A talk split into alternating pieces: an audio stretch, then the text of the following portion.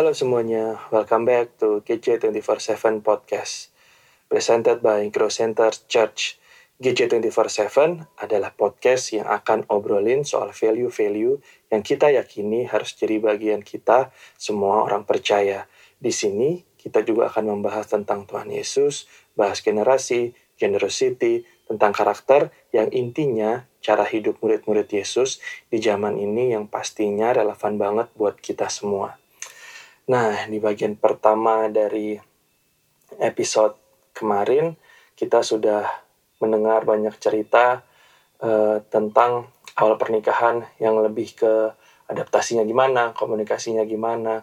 Mari kita udah dengar sama-sama ya.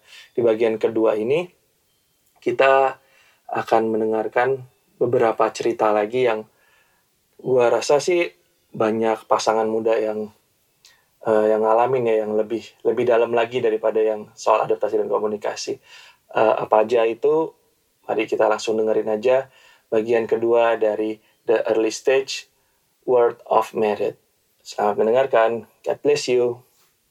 Terus ini ada satu lagi ya yang yang buat buat kita berdua sih ya yang paling yang lumayan berpengaruh di awal pernikahan itu adalah pengaruh orang tua dalam hubungan kita. Tapi sebelum gue cerita, gue nanya Vegeta dulu deh kan menikah itu kan bukan cuma gua dan istri gua dan selesai gitu kan. Menikah itu kan menyatukan dua keluarga. Uh, kalau Vijay sama Eta gimana? Pernah nggak ada masalah soal soal hubungan dengan orang tua gitu? Atau campur tangan orang tua dalam hubungan pernikahan kalian di awal-awal menikah? Oke, pertanyaan yang bagus sekali, Saudara Valdo. Jadi kita akan menjawabnya. Capek, ini ini gitu. Jadi to be sebenarnya orang tua kita berdua, eh, kita nggak ada masalah sama sekali untuk awal-awal pernikahan ini karena kita menggenapkan firman Tuhan juga.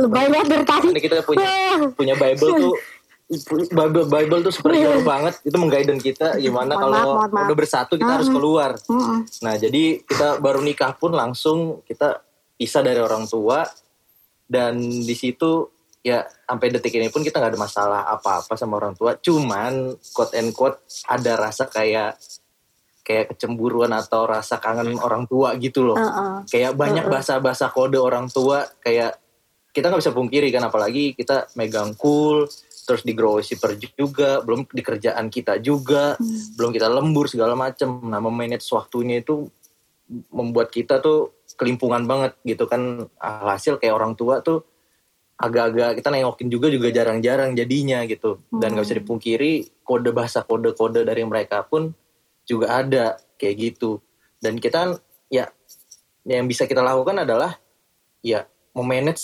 sebaik mungkin uh, time management kita supaya uh, rasa kecemburuan atau rasa kode-kode kangen ke anaknya ini itu uh, terobati. Kalau Kak Adrian Kak Timi ada nggak? Apalagi kan kayak orang tua Kak Adrian tuh jauh kan. Hmm. Apakah ada masalah-masalah? Kan sama sekali enggak. Oh nggak ada. Hmm, nggak ada. Sama hmm. sekali enggak. Itu kita bersyukur banget sih. Wow. Hmm, hmm. Apa? Hmm. Ya apa ya Tuhan baik lah ya Tuhan adil gitu. Karena uh, kalau misalnya kayak kembali ke tahun pertama gitu pernikahan gue sama Green itu tuh bener-bener harus beresin antara gue pribadi dan Green pribadi gitu. Karena gimana ya apa uh, itu emang bener ya mungkin kalau kalian kenal banget gitu gue sama Green kebayang apa uh, eh, PR-nya bagaimana. Nah lu bayangin kalau misalnya di proses yang kayak begitu Terus kita uh, ada masalah sama orang tua juga.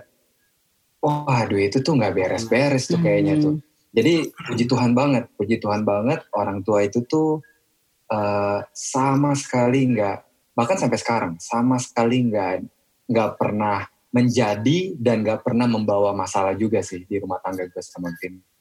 Itu bahkan mereka kayak super fun gitu. Iya, yeah, the best sih. The best sih. Itu tuh ya kan ya rumah tangga nggak ada yang sempurna ya. Cuman oh, uh, kalau untuk orang tua kita berani bilang puji Tuhan banget kayak uh, nyokap gua atau orang orang tuanya Green papa mamanya Green sih the best sih. Wow Anak banget. Nah, ya, gimana nih kayaknya kayaknya gitu berbanding kebalik nih sama Faldo Tata nih. Coba Faldo Tata keluarin wah ini kan dari seribu list yang ada gitu satu aja nah. ini kayaknya paling banyak sih kita pertanyaan dan jawabannya. Uh, iya karena uh, orang tuaku tuh cukup banyak intervensi ke aku sama Faldo gitu kan. Jadi Hmm. Itu waktu pas awal-awal menjadi sumber masalah banget sih. Hmm, dan lebih banyak di orang tua aku gitu. Kalau orang tua Valdo tuh cenderung yang lebih santai lah gitu kayak ya udah udah nikah ya uh, urusan kalian kalian masih pada masalah ya uh, urus sendiri gitu. Kalau orang tua aku hmm, masih terlalu banyak intervensi. Jadi untuk uh, menyelesaikannya juga butuh effort. Jadi sih kalau kalau kita, gue tuh ada ada persepsi yang salah adalah ketika gue berpikir dengan setelah menikah, terus Tata ikut gue gitu, kita udah tinggal sendiri, orang tua nggak ikut campur lagi. Udahlah, kita udah hidup sendiri. Ternyata salah. Gue udah tahu orang, udah tahu mertua gue seperti apa dari sebelum menikah gitu. Tapi, tapi gue pikir ada perubahan. Ternyata ternyata enggak juga. Gue di awal itu ngerasa ngerasa nggak dianggap sih. Gue ngerasa uh, kadang-kadang gue kalau lagi sebel gitu ngomong sama sama tantenya dia gitu. Ya kan di Alkitab juga laki-laki sama perempuan bersatu meninggalkan orang tuanya. Ya udahlah orang tua jadi ikut campur. Kadang-kadang gue keluar keluar firman itu tapi dengan emosi gitu. Bukan dengan motivasi yang benar gitu. Gue membenarkan diri dengan ayat-ayat yang ada gitu tapi balik lagi ternyata juga ada ayat yang hormatilah dan ibumu gitu mau bagaimanapun mereka tetap orang tua. Uh, eh, gue berpikir gini, akhirnya gue berpikir kalau gue ngerasa kalau gue sikap gue dengan, dengan mertua gue nggak baik, gue nggak bisa jadi contoh untuk istri gue. Dan gue berpikir gimana kalau dia ngelakuin hal yang sama ke orang tua gue, gue nggak hmm. mau juga. Jadi mulai gue mulai embrace masalah itu, mulai gue hadapin, mulai ada kala kalau gue udah udah mulai empat banget dengan dengan intervensi yang segala macam soal kerjaan, soal setiap pagi harus ngapain, sampai gitu-gitu tuh diatur. Tapi gue mulai mulai membuat mengerti lah memberikan pengertian kalau kita tuh udah menikah kita udah sendiri nggak apa-apa mami kalau mau mau cerita apa ngomong aja nggak apa-apa. Tapi uh, ada hal-hal yang kita punya value dan prinsip sendiri nggak bisa nggak bisa dari dari orang tua gitu dan mulai mulai ada perubahan sih. Yang paling apa ya turning pointnya adalah ketika kita mau tunjukin kalau kita tuh eh, orang tua orang tua kita kayak gitu ikut campur tapi kita nggak benci sama mereka. Kita hargain mereka. Kita tetap tunjukin kita ngasihin mereka dan akhirnya mereka sadar gitu. Anak gue udah udah punya keluarga ternyata ya. Jadi puji Tuhan sekarang ini masih ada intervensi tapi udah mulai agak hati-hati sih. Jadi udah mulai kayak kalau mulai ngasih wow. masukan dilihat dulu uh, ini bisa menyinggung mereka nggak gue rasa banget gitu ada hal-hal yang kayak apalagi soal Tata gitu. Tata tuh diatur banget semuanya. Diatur banget semua soal kerjaan, soal ngapain harus di rumah. Uh, kadang kala kalau Tata lagi nggak mau masak terus dimarahin, yang marahin bukan gua, yang marahin mamanya.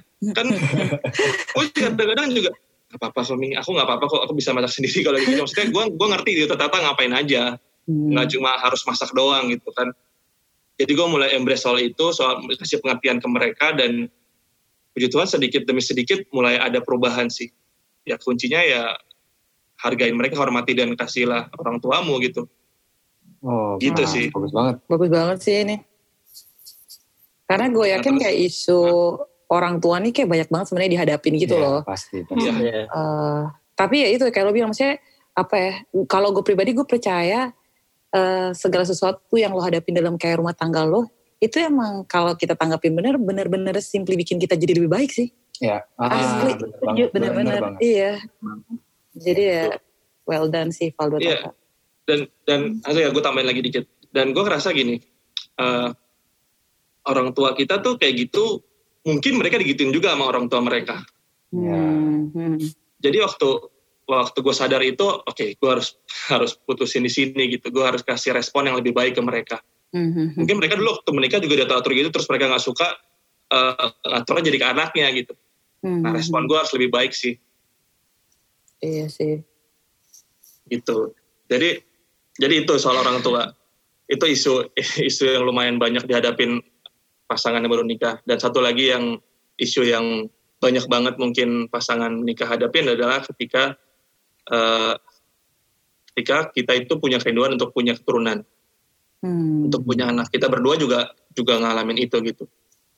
Aku tanya kayak Tafija dulu. Kalau tim yang kan sudah dikatakan itu terakhir nanti. Hmm. gimana kalau Etama VJ apakah keinginan untuk punya anak itu mempengaruhi hubungan kalian dan kadang-kala sometimes itu buat jadi konflik gitu. Kita mau punya anak gitu. silakan setuju sih. Setuju untuk hal itu. Mau kamu duluan aku dulu? Um, bener banget sih. Itu kalau nggak clear di awal itu bakal jadi konflik yang besar banget. Uh, cuman puji Tuhannya kita di masa pacaran kita udah membahas itu sih.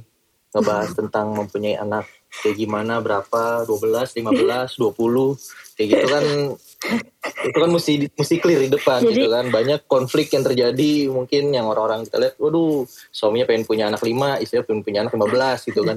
Itu kan nggak nggak ketemu gitu.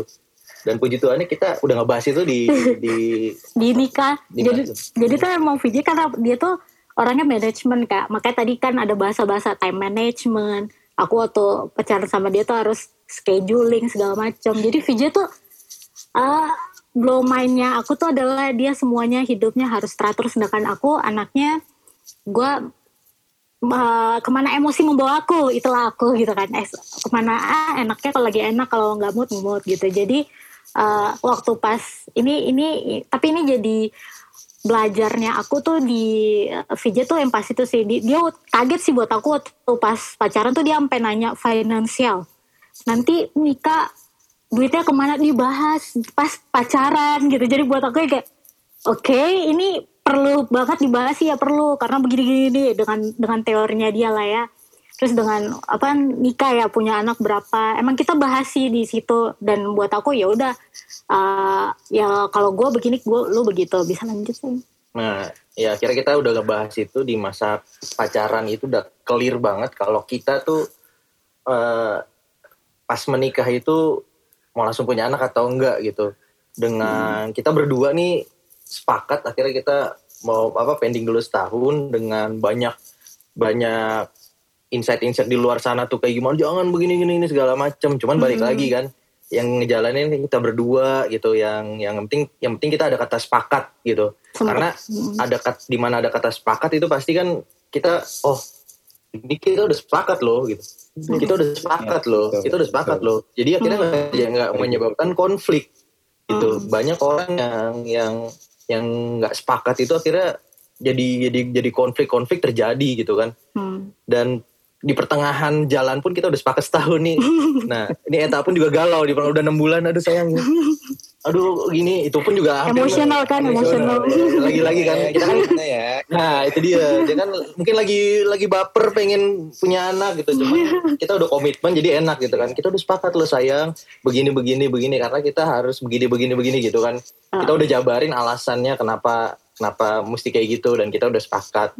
Dan puji Tuhannya setelah kita udah dua, dua tahun. Setelah setahun ini pas sudah tepat di setahun itu akhirnya kita berdoa sama Tuhan udah kita udah sepakat udah setahun kita mau pengenalan lebih dalam lagi kita mau happy happy berdua segala macam setelah itu kita kembalikan kepada Tuhan mm. kayak gitu akhirnya terkait konflik masalah keturunan itu nggak terjadi isu banget bangetan mm. cuman yang perlu di encourage adalah mesti clear sih cari-cari win-win ya. solutionnya gitu karena itu bisa menjadi konflik yang sangat besar nggak cuman kita bahkan bisa melibatkan uh, orang tua dan keluarga besar. Jadi speaking buat uh, punya anak ini tuh awalnya tuh kita sempat yang kayak ragu sih karena kan banyak insight kan lu nggak boleh gini nanti lu nggak punya anak lah ntar lu kena inilah apa karma lah apa segala macam. Sempet tuh awal-awal yang sebelum nikah ya kan sebelum nikah tuh waktu itu pastor karena kita diberkati di GC kan pastor Monty panggil tuh panggil kita berdua. Di situ tuh akhirnya uh, kita coba tanya boleh nggak sih pastor seperti ini? Maksudnya di, di situ tuh aku langsung ngomong ke, karena pastor uh, pastor tuh saat itu juga nanya kalian gimana masalah anak? Udah dibicarakan belum sebelum nikah?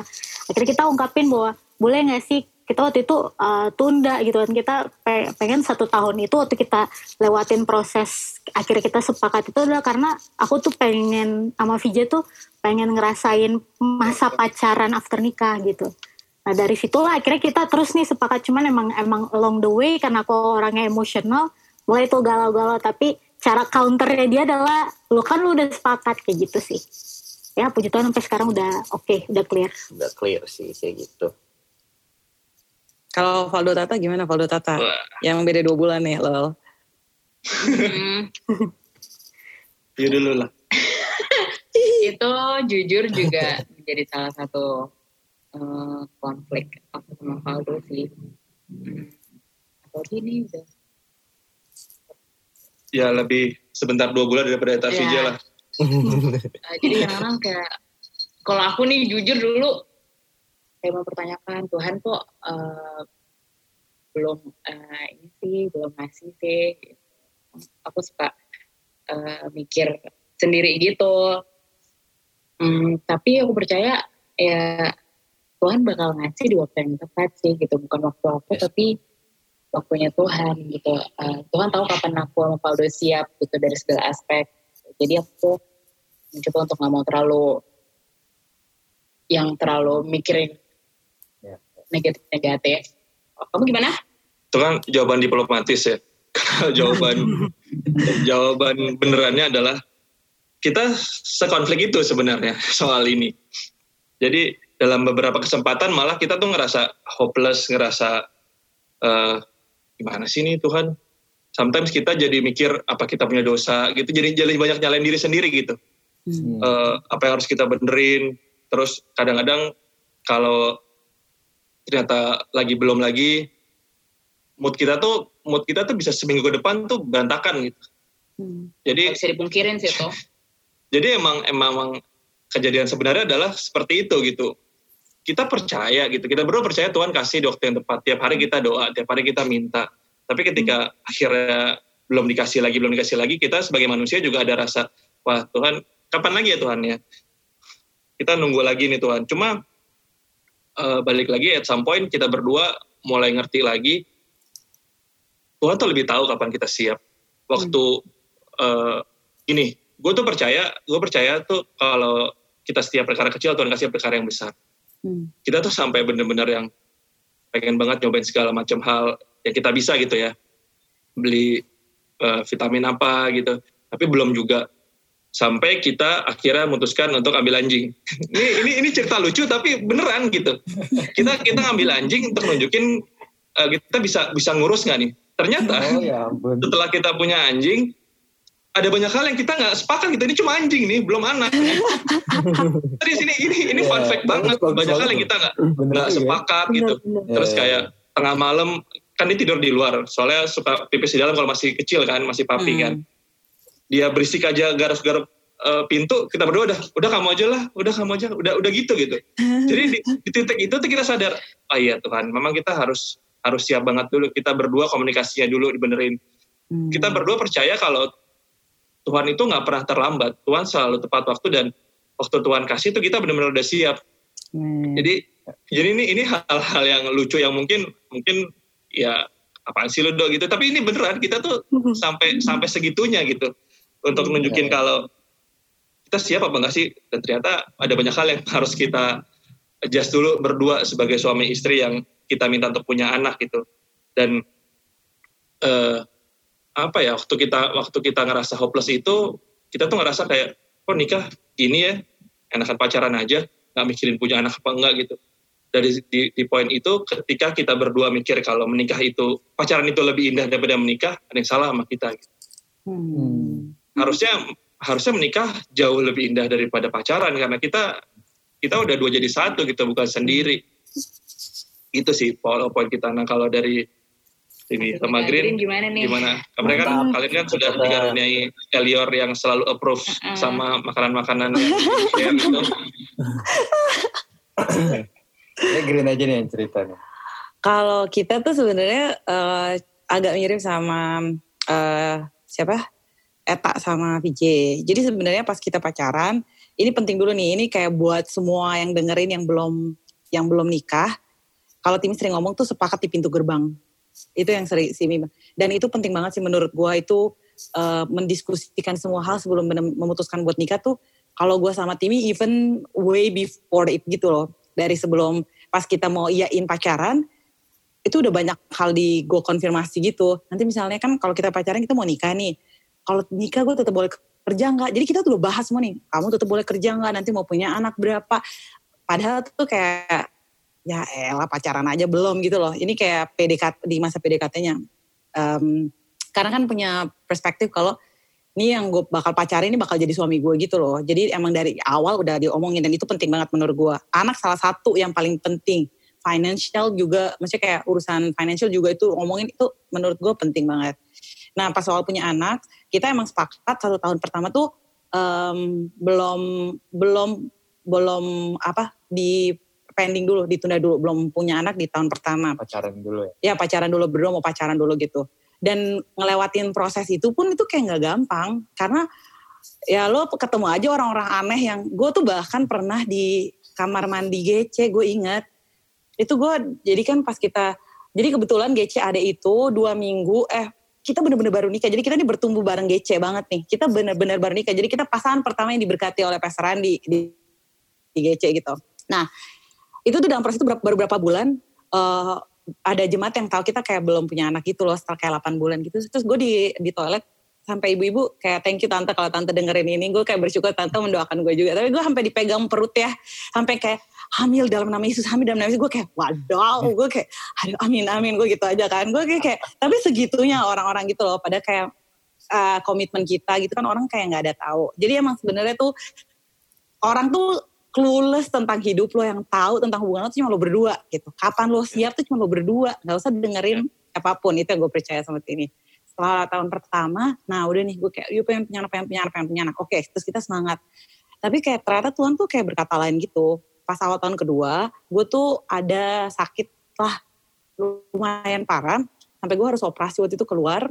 Dan di proses gue operasi itu, setelah eh, operasi gue tuh mesti konsumsi obat dalam periode waktu lumayan lama 6 sampai 8 bulan dan obat keras gitu. Jadi um, apa namanya? Uh, pas gue jalan itu tuh itu tuh gue down banget. Aduh gue jadi pengen nangis. Kayak dulu gue tahun banget gue kayak ya Tuhan maksudnya kayak gue udah pengen banget hamil. Apa ini? Gue tuh kayak langsung itu pikiran negatif tuh masuk gitu. Ini apa yang orang bilang ya kalau lo nunda tuh kayak langsung kayak aduh lo nggak dapet lah ini makin susah lah makin lama gitu kan. Jadi gue tuh sempet terintimidasi juga dengan itu gitu. Tapi kayak percaya nggak percaya justru dalam proses gue sakit itu tuh Tuhan tuh ngomong banyak banget gitu.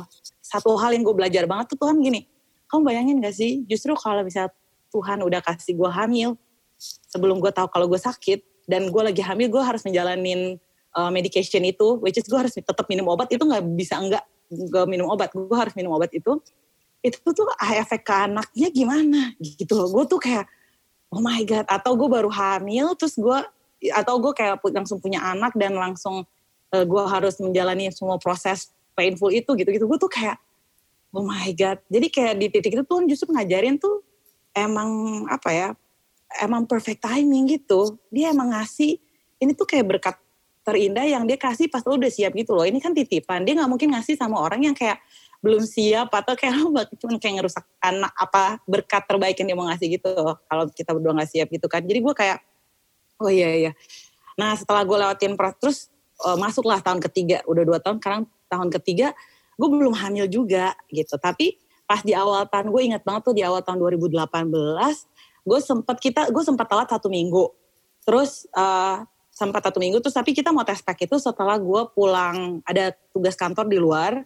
Gue pas balik Jakarta kita baru mau tes pack. Tapi di malam sebelum gue pulang ada sesuatu terjadi intinya gue tuh kayak tiba-tiba um, kayak pendarahan gitu terus kayak lepas gitulah. Jadi ke darah segoblok-goblok di toilet tuh langsung jur gitu lah. Ini ekstrim tapi ya itu penting gitu menurut gua. Itu gue di sana gue nangis histeris sama tim itu di telepon histeris. Jadi gue kayak langsung guilty ngerasa kalau lagian gue ngapain sih kerja banget? gitu-gitu loh. Jadi kayak selalu kan intimidasi datang aja gitu sih. Setelah proses itu gue tuh sempet yang down banget. Tapi justru di titik pas gue tuh kayak ngerasa uh, kita bergumul dan kita berdoa akhirnya akhirnya kan gak jadi tuh nggak jadi hamil terus bergumul dan berdoa. Tapi satu titik gue tuh memutuskan untuk sama Timi gue tuh berdoa dan gue mensyukuri apa pun yang Tuhan kerjakan dalam hidup gue sih. Di situ tuh gue kebilang Tuhan maksudnya di titik itu tuh gue tuh sampai berdoa dan gue bilang kalau emang Tuhan cuma kayak izinkan gue sama Timi berdua itu biar kehendak Tuhan aja yang jadi. Justru di titik itu terus kita waktu itu libur lebaran nggak ada yang tahu ternyata uh, libur lebaran tahun itu tuh kayak panjang uh, Pak Jokowi kayak itu. Jadi gue liburnya lumayan panjang jadi kita lumayan liburan banget tanpa ada pre apa tekanan untuk hamil dan apa. Udah liburan aja menikmati hidup yang kayak dulu kita awal-awal. Uh, jadi beneran jadi berdua aja aduh bangun hubungan manis banget berdua.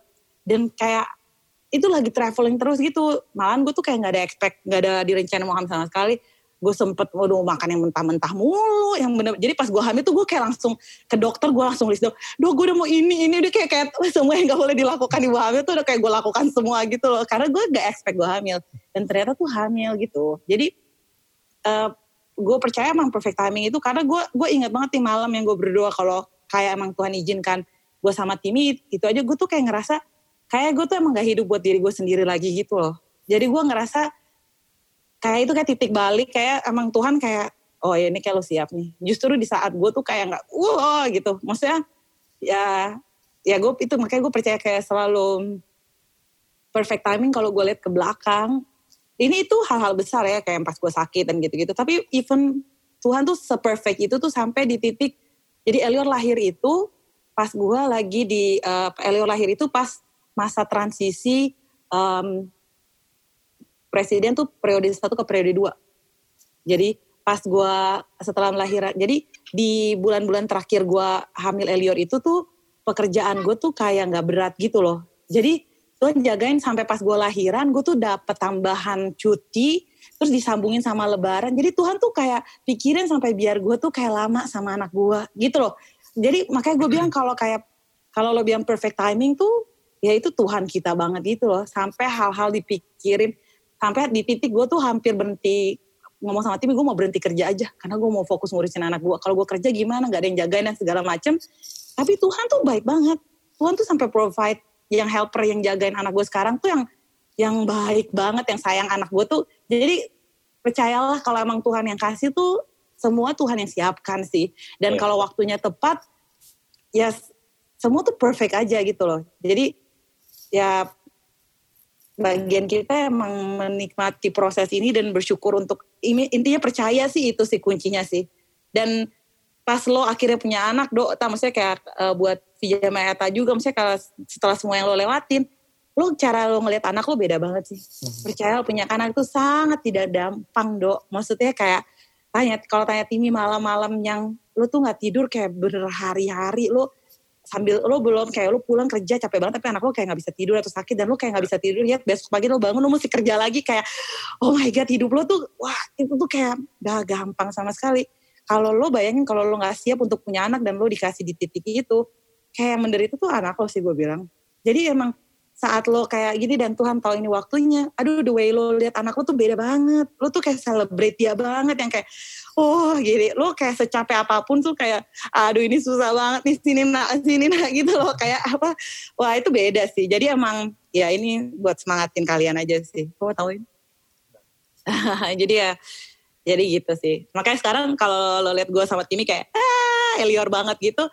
Ya emang akhirnya jadi celebrate dia banget gitu loh. Jadi kayak ya sih.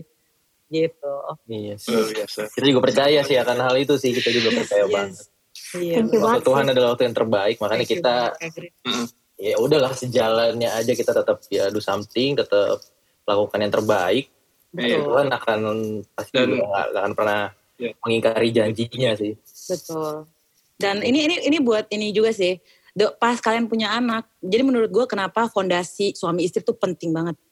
Karena pas kalian punya anak, dunia kalian tuh berubah. Hmm. Itu kalian gak bisa bohong. Hmm. Jadi kalau tadi yang kalian berusaha, gue bisa yang, yang gue prioritaskan dalam hidup gue bisa kayak Timi doang. Sekarang tuh jadi kayak ada anak nih yang kayak tetap mesti lo pikirin. Maksudnya gitu loh. Jadi hmm. kalau kalian berdua pasangan tuh kayak belum kuat satu sama lain, wah ada punya anak tuh baper bisa baper banget karena ibu ke anak tuh nggak bisa bohong loh kita kayak fokus sama anak kita banget gitu nah pas saat saat suami juga belum bisa menerima itu itu tuh jadi banyak hal tuh panjang banget gitu loh. Nanti mulai belajar lagi, anak tuh bukan pusat. Suami dan istri tetap pusat. Jadi kita belajar untuk mempraktekkan itu. Uh, jangan jadikan anak lo uh, itu jadi kayak emang ya parenting tuh whole new apa level lagi gitu. Tapi ya gue percaya lo pas dapet di season itu Tuhan udah siapin lo gitu loh dengan segala sesuatunya gitu. Ya, ntar, episode lagi ya parenting.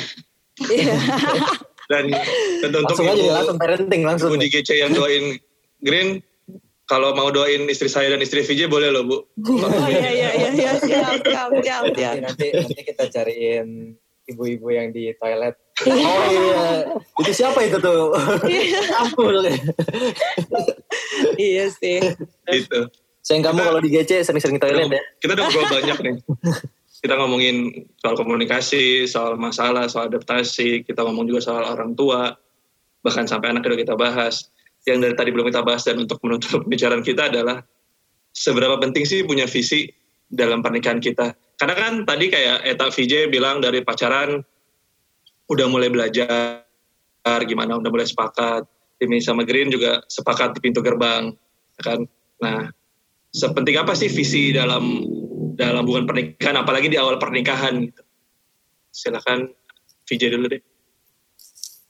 Oke, seberapa pentingkah itu penting banget kalau menurut kami ya, menurut kita itu penting banget visi itu karena kenapa? Karena itu akan menentukan keluarga kita nanti akan hmm. Merangkak, berjalan santai atau berlari. Nah, visi itu menentukan kita nanti bangun keluarga tuh bakal kayak gimana. Makanya itu penting banget kita bahas di depan dan uh, dan visi itu pun juga membuat kita jadi jadi semangat juga dan tahu how to-nya kita harus kayak gimana sih bangun rumah tangga ini kayak gitu. Kita di depan udah ngomongin visinya apa aja dan aku pribadi juga heart to heart aku ngomong aku sebagai pria aku pengen punya pendamping yang di samping aku berjalan bareng. Bukan di belakang aku aku ngegandeng dia itu bakal berat banget nanti tertati-tati makanya aku waktu ngomongin dalam banget sama Eta aku bilang mau gak kamu jadi orang di samping aku untuk kita berjalan bersama-sama membangun rumah tangga kita nanti gitu kan. Pasti yang kita hadapi nggak gampang kalau kita berjalan bareng pasti kita bisa. Itu alhasil membuat kita jadi kita rasain banget sih karena visi itu membuat rumah tangga kita sampai dua tahun ini membuat kita kayak fokus kita mungkin agak melenceng dikit akhirnya kita balik lagi karena ada visi tersebut.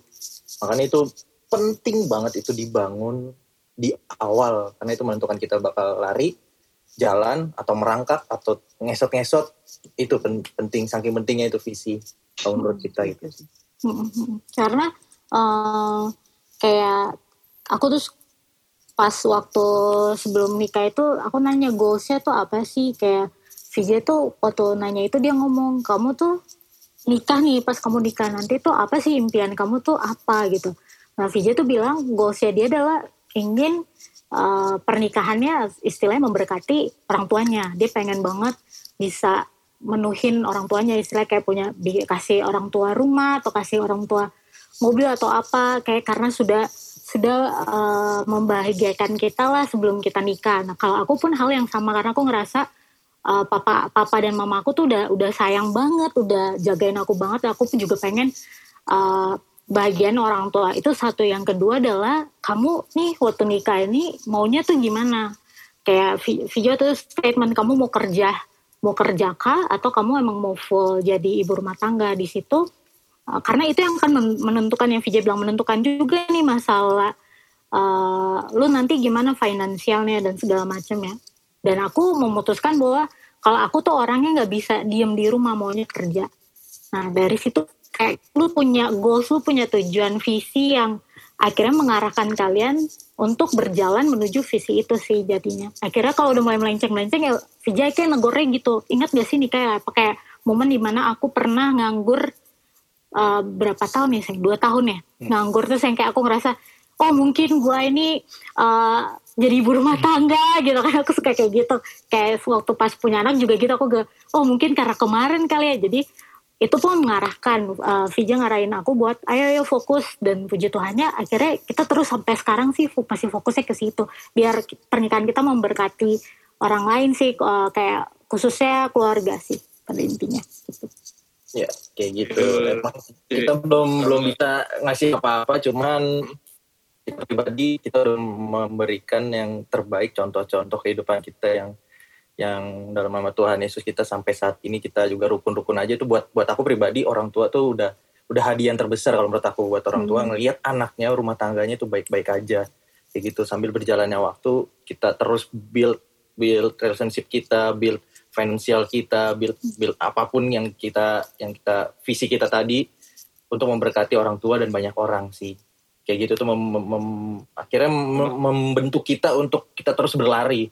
Meskipun di tengah-tengah kita capek kita aduh aduh nggak bisa nih. Akhirnya kita ingat visi tersebut ayo kita bisa ayo kita bisa. Akhirnya jalan lagi. Kayak gitu sih. Itu penting penting banget.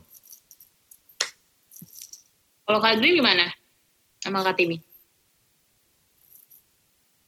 Ya udah pasti penting ya karena visi itu tuh penyelamat nikahan sebenarnya. Gitu. Um, nggak nggak mungkin kayak kita nggak ngomongin pernikahan tanpa ngomongin visi. Karena apa ya kayak nggak mungkin muter-muter aja kan. Gitu kan banyak tuh cerita-cerita uh, baik real maupun dijadikan drama gitu ya. Di sinetron kayak atau di film gitu serial kayak keluarga stuck gitu kelihatannya baik-baik. Nah ini dia nih ini nih pentingnya. Baik-baik aja loh keluarganya. Nggak ada yang aneh-aneh, nggak ada yang gimana-gimana, nggak ada yang oh bandel atau apa, finansial juga jaga baik, tapi tetap sampai ada wacana mau cerai. Kenapa? Pasti ada tuh satu kalimat dari suaminya atau istri yang ngomong, kita muter-muter aja mas, gini-gini aja kita. Nah, ya kan? Gitu itu tuh, itu tuh pentingnya visi gitu.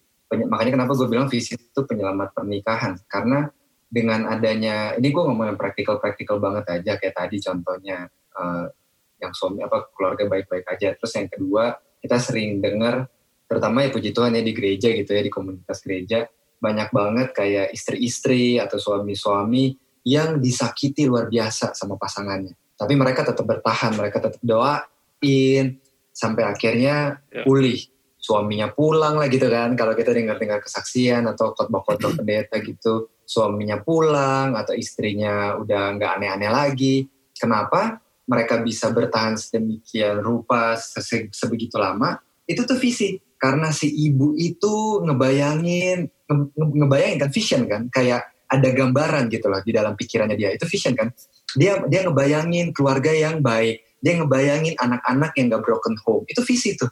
Ada suami yang yang ngebayangin anak-anaknya uh, tetap punya ibu yang waktu mereka apa ibu yang melahirkan mereka makanya dia tetap bertahan sama istrinya walaupun istrinya aneh-aneh itu vision tuh kita nggak usah ngomong visi-visi yang kayak wah keluargaku jadi jadi pemimpin di generasi nggak usah yang begitu-begitu dulu deh visi bahwa misalnya kayak tadi uh, VJ uh, visi yang kita dengarnya simple banget tapi powerful banget loh. Kayak ingin menyenangkan orang tua karena orang tua udah baik banget sama gitu kan. Itu saat ada visi kayak gitu ada masalah nih di keluarga di rumah tangga itu tuh kita bisa bertahan karena kayak oh no no no no. Gue gue masih gue ada orang tua yang harus gue senangkan. Ada orang tua yang udah lama berkorban buat gue yang belum selesai gue eh, apa belum selesai gue gue gue balas budinya ada anak-anak yang masih kecil nanti mereka kalau broken gitu tuh kita nggak usah ngomong visi-visi yang wah grand vision gitu apa pun selama punya visi itu tuh akan menyelamatkan rumah tangga sih Yes. Hmm. Coba visi visinya Valdo Tata nih. Dari yang melihara anjing gitu apa ada visi berikutnya? Kalau kita ya, uh, visi itu sepenting itu buat kita berdua. Gue tuh percaya waktu Tuhan kasih visi, Tuhan kasih provisi. Sepercaya itu gue. Kenapa? Karena waktu gue uh, mau nikah, gue memutuskan untuk menikah, gue gak punya apa-apa gitu ya tabungan seadanya kerjaan kerjaan gue waktu itu masih masih usaha sendiri masih freelance sendiri yang kalau pakai pakai logika gue nggak cukup gitu bahkan waktu gue waktu, waktu itu gue waktu pas mau ngomong sama uh, mamanya Tata mau mau minta izin. Karena papanya kan udah udah meninggal. Dia ngomong ke mamanya untuk minta izin mau nikah. Itu gue udah siapin banyak banyak jawaban gitu. Banyak jawaban kalau tanya soal kerjaan gimana terus mau dia kehidupannya gimana gue udah siapin semua. Gue udah tata sedemikian rupa gitu sedek-dekan itu kan gue tapi ternyata waktu gue waktu gue minta izin uh, gak ditanya sama sekali lebih ditanya kamu mau bawa mau bawa tata ke mana? Udah cuma gitu doang aja. Sesimpel itu pertanyaan ternyata. Jadi uh, gue cuma punya visi dan gue percaya waktu dengan apa yang gue punya dengan apa yang tata punya tapi kita punya visi kita punya tujuan apa yang kita punya itu Tuhan bisa lipat gandakan. Dan sampai detik ini puji Tuhan gue nggak kekurangan sama sekali bahkan berkecukupan gitu. Mulai dari mana? Dari visi doang. Kita nggak tahu. Gue uh, bakal gimana ke depannya kerjaan gimana ya kita kita punya plan lah mau kerjain apa. Tapi kita nggak tahu di depannya ada masalah apa kayak gini misalnya corona. Gue punya punya usaha yang udah jalan karena corona gitu. Tapi puji Tuhan ketika kita stick sama visi kita kita lakuin apa yang apa yang kita bisa gitu dengan kemampuan kita, gue percaya kita kita semua Tuhan kasih talenta dan kemampuan untuk kita jalanin itu, untuk jalanin visi yang visi yang kita punya gitu.